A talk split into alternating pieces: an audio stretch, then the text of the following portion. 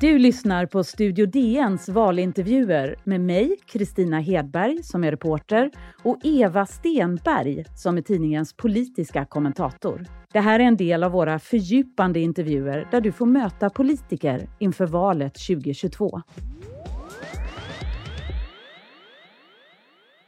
Du är klädd i kostym idag. Ja, eller, eller udda kavaj. Ja, vad kallar vi detta? Ja? Udda kavaj. Och jag tänkte att det här är sista chansen för linnekavaj den här säsongen, så jag passade på och tog den. Vad förstår man av din klädsel då? Jag skulle vilja tro att min klädsel kanske avslöjar att jag inte tillhör den yttersta vänstern i alla fall. Mycket mer än så kanske är svårt att pejla, men eh, det tror jag definitivt. Tobias Andersson är 25 år och ordförande för Sverigedemokraternas ungdomsförbund Ungsvenskarna. Det har han varit ända sedan förbundet bildades i oktober 2015. Något som hände eftersom partiet bröt med sitt gamla ungdomsförbund SDU. Tobias Andersson beskrivs ofta som lojal med partiledningen och han är nog också vad många skulle kalla en politisk broiler. Han blev invald i fullmäktige redan som 18-åring och riksdagsledamot när han var 22 år. Kanske är det han som tar över den dagen Jimmy Åkesson kommer att avgå.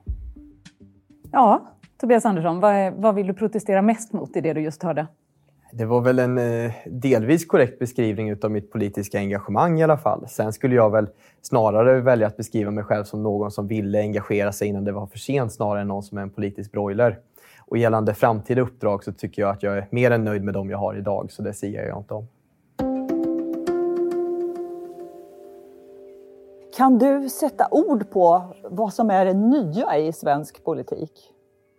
Det nya är att vi har en möjlighet att få ett konservativt styre i Sverige och det var på riktigt länge sedan. Så jag skulle vilja säga att det är den största förändringen, att vi ser förutsättningarna för ett konservativt block i svensk politik. Vilken roll vill du ha i den förändringen?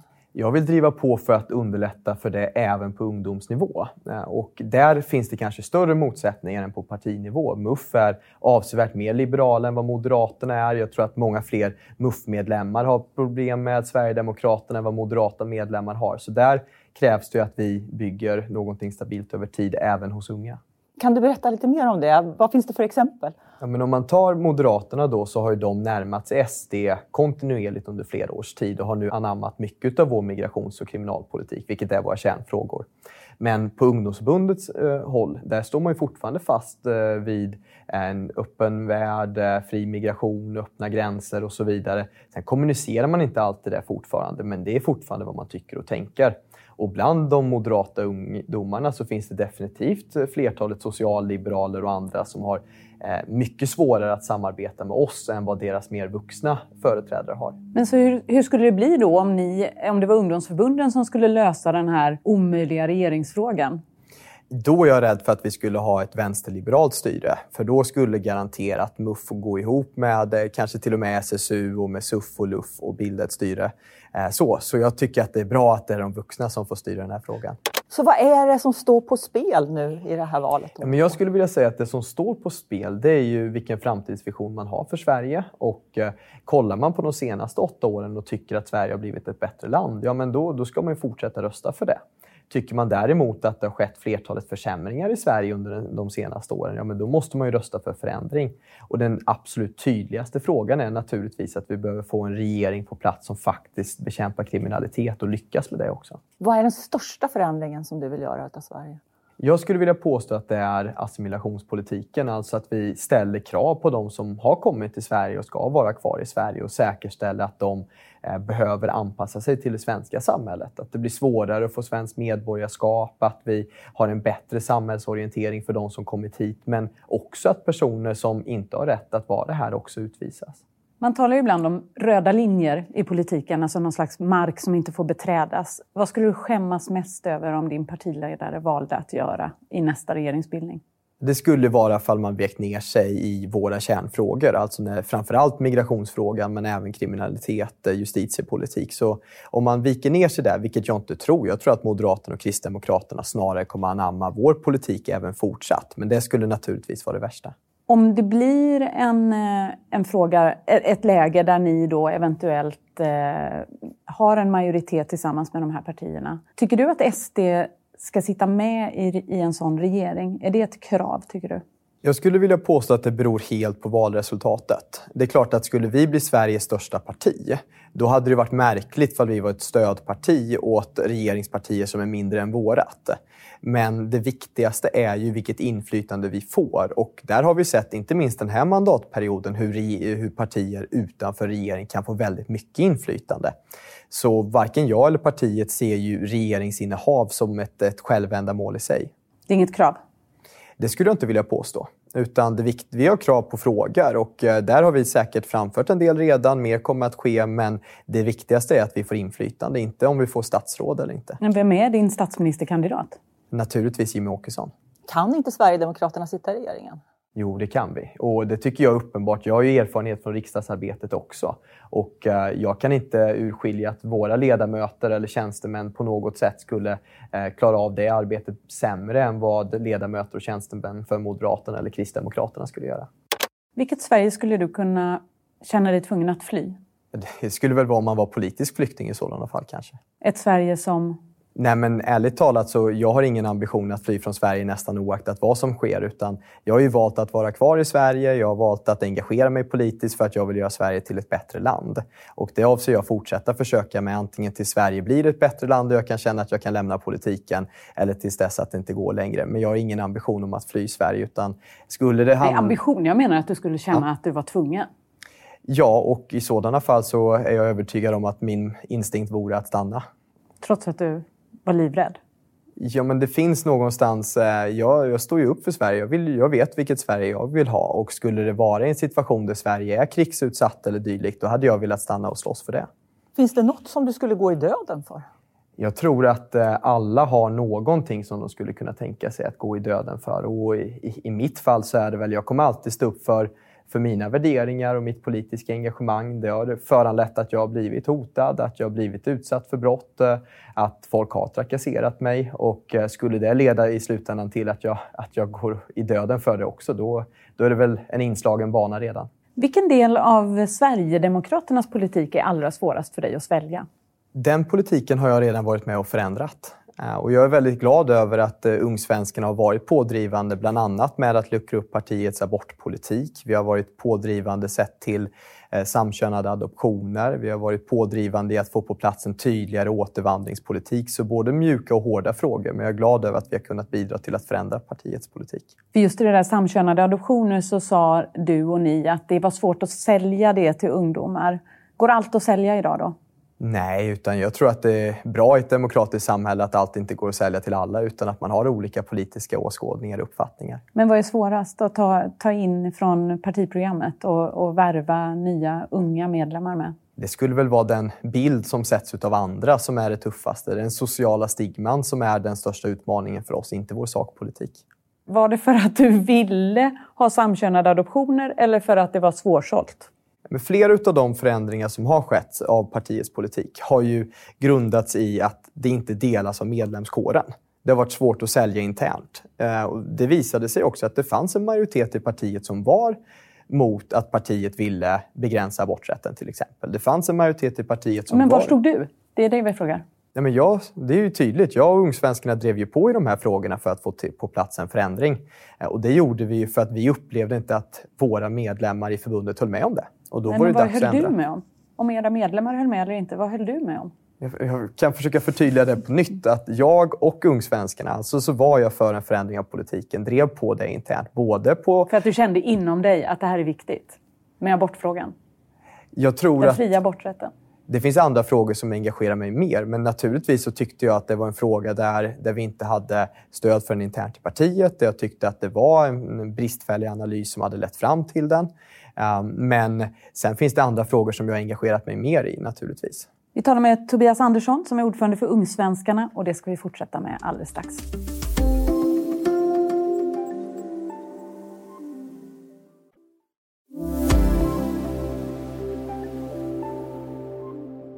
Då är vi tillbaka med Tobias Andersson, ordförande för Ungsvenskarna. Vilken är den politiska fråga som du tycker att Kristina, som min generation, generationen som är äldre än dig, har försummat mest?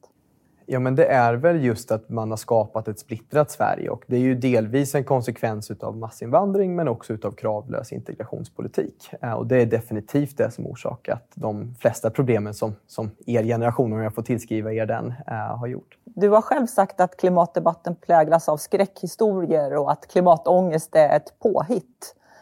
Anser du inte att klimatförändringarna är en stor och brådskande fråga? Jag är ganska övertygad om att er generation av svenskar har inte försakat klimatet eh, nämnvärt utan det har skett i helt andra delar av världen. Men hur tänker du själv om, om klimatförändringarna och klimathotet? Och uppfattar du det som ett hot mot din framtid och mot din generations framtid? Det är klart att det finns utmaningar på det området. Det tror jag att alla politiker är eniga om. Och Det är också därför det finns en stor överenskommelse kring att vidta åtgärder. Skillnaden är ju ofta vilka åtgärder som ska vidtas. Eh, men det jag har vänt mig emot och som du refererar till, det är ju själva hysterin kring det. Och det grundas ju inte på att jag inte menar att det är rätt att vara orolig eller vara engagerad, utan det grundas på att jag tror att ett samhälle styrs bäst när man kan fatta rationella beslut. Och jag räds ett samhälle där man inte kan fatta rationella beslut för att det råder hysteri. Eh, och är man hysterisk och man har ångest till exempel, det första som sker är att man får en begränsad möjlighet att tänka kreativt och logiskt. Och det tror jag är vanskligt för en viktig fråga. Hur allvarliga är de här klimatförändringarna då, som du ser det? Men det finns säkert andra som kan gå in i detalj på hur, eh, hur allvarliga de är bättre än vad jag kan. Men eh, vi är ju alla eniga om att vi behöver ställa om till mer elektrifiering till exempel. Att vi behöver ha fossilfri elproduktion och så. Eh, så jag tror att där är vi alla eniga. Sen exakt vilka konsekvenser det får och när de konsekvenserna kommer ifall vi inte lyckas med det, det finns det nog ingen som säkert vet och det vill jag inte heller säga om. Kan du förstå att det finns de som känner ångest när det blir sån här extrem oväder och medeltemperaturerna stiger snabbt? Konsekvensen eller anledningen till att de får hysteri är ju för att de varje dag vaknar upp, läser nyheter och blir matade med att snart kommer jorden gå under, vattennivån kommer sluka hela Skåne och så vidare. Och tyvärr utgår man ju då ofta från de absoluta extremcasen i de rapporter som kommer. Och det tycker inte jag är rationellt. Jag tycker inte det är logiskt att utgå från det värsta och sen tro att det är en, en, en eh, ofrånkomlig framtid. Då förstår jag att man mår dåligt och att man kanske får ångest för det. Men att ha ångestladdade politiker är nog inte det bästa, utan där behöver vi försöka ha politiker som kan fatta krassa och rationella beslut. Ehm, men jag, jag, tror att vi har en alarmism som begränsar effekten i den politik som bedrivs på området. Finns det någon gång, inte bara när det gäller klimat, utan alla politikområden då du har blivit chockad eller känt ångest över en politisk nyhet? Jag tror att man blir snabbt ganska luttrad som politiker. Ehm, det som jag alltid haft svårast med det är ju grova brott som begås och inte minst grova brott som hade kunnat undvikas. Eh, och ett sådant exempel som berörde mig illa det var den så kallade tortyrvåldtäkten i Solna där en av gärningsmännen som under timmar förnedrade eh, med diverse tillbehör våldtog två små killar skulle ha suttit i häkte. Men det fanns ingen häktesplats. Det var alltså en direkt konsekvens av den politiken som rådde som föranledde att den fruktansvärda tortyrvåldtäkten kunde äga rum. Och det är klart, då blir man ganska det berörde mig på djupet, för då visste jag att det var politiker som var ansvariga för att det kunde ske. Och sådana brott dyker upp ibland där personer skulle ha suttit häktade men det inte fanns häktesplats eller man väntar på häktesförhandling och annat och begår nya brott. Eller personer som ska utvisas ur landet men som inte kan utvisas och är kvar och begår nya brott. Eh, då, det berör mig på djupet. Tycker du att det är upprörande att staten eller samhället går in och omhändertar barn som växer upp med missbrukande föräldrar? Det är klart att det måste ske en väldigt korrekt analys av det hela. Det är ju ett stort ingrepp i, eh, i den privata sfären att omhänderta något som är en allra närmst naturligtvis. Men det finns exempel där det eh, behövs och jag vet också att det kommit ny lagstiftning på plats i närtid för att underlätta just detta för att eh, inte ha fler fall som lilla flickan som det har kallats. Så det har vi stått bakom. Varför ska samhället gå in där och lägga sig i det privata? Det är väldigt få tillfällen som jag tycker att samhället ska göra det. Men det här handlar ju om eh, barnens perspektiv och barnens rätt till, till välmående och frihet och trygghet. Och det är klart att finns det ett givet fall där ett barn far illa tillsammans med sina vårdnadshavare, då måste det finnas ett, ett samhällsansvar för det barnets skull. Eh, och det tycker jag är rimligt. Men det ska ju vara, eh, bara ske i extremfall där det verkligen är påkallat. Vad tycker du ska hända med de barn som idag befinner sig i det som kallas IS-lägren tillsammans med sina föräldrar?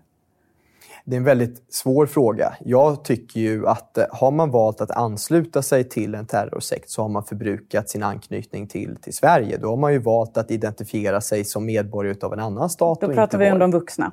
Absolut, absolut. Barnen som då inte har valt, vad är skillnaden på dem och Lilla hjärtat som du pratar om? Skillnaden är ju att de har vuxit upp i en miljö där de har lärt sig att hata allt vi älskar. Där de har lärt sig att eh, från tidig ålder de har sett videoklipp på små barn som skär huvudet av nallebjörnar för att öva sin jihad. Är det deras skuld? Ska de betala för det?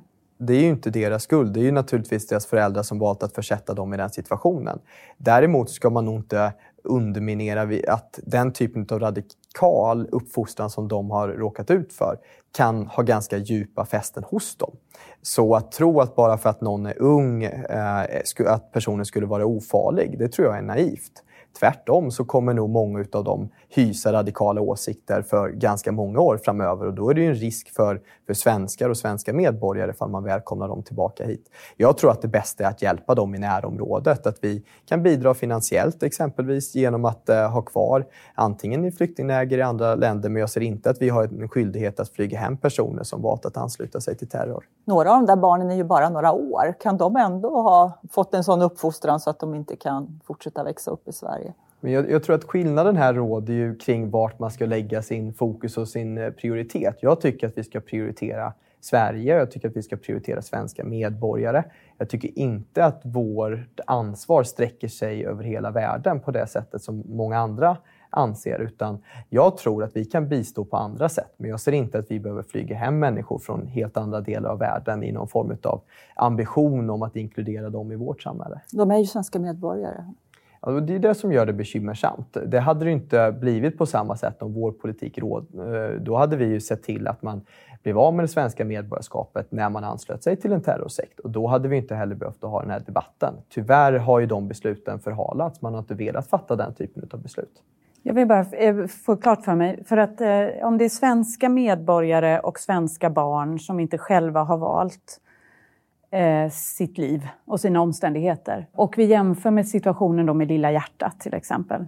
Alltså ett barn till en, eh, en missbrukande mamma kan ju ha bestående hjärnskador och absolut vara ett potentiellt eh, problem för samhället framöver. Men det barnet ska ändå skyddas från föräldrarna och omhändertas av samhället. Men de här barnen i lägren ska det inte. Var, varför, vad är skillnaden? Jag tror att det, det, vi missar i kommunikationen här är ju inte att det handlar om vilka förhållanden de vuxit upp i. Det handlar om delvis vart de är i världen. Att den ena befinner sig i Sverige med missbrukande föräldrar, är svensk medborgare, vi kan omgående ta hand om personer, vi kan lösa det här på ett bra sätt, vi har de rutinerna.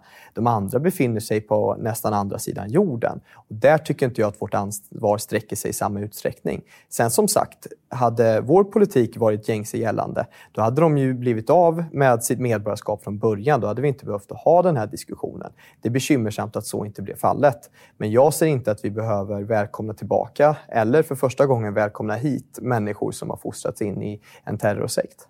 Och då spelar det ingen roll om det är barn med svenskt medborgarskap?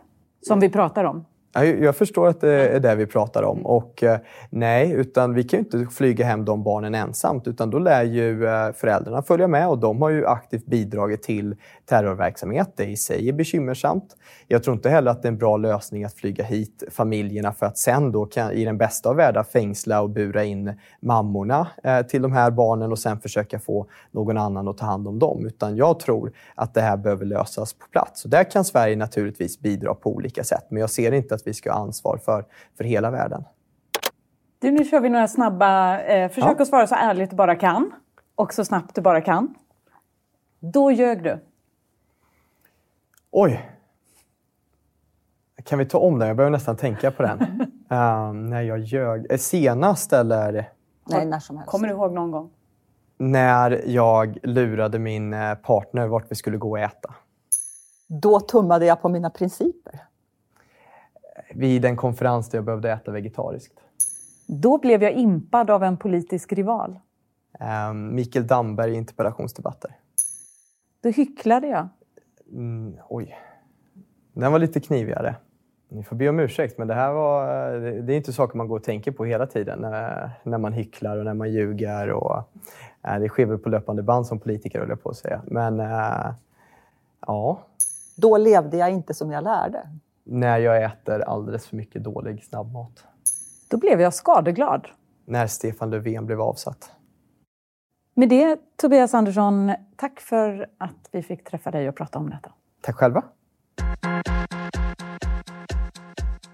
Du har hört Studio DNs valintervjuer med mig, Kristina Hedberg och Eva Stenberg.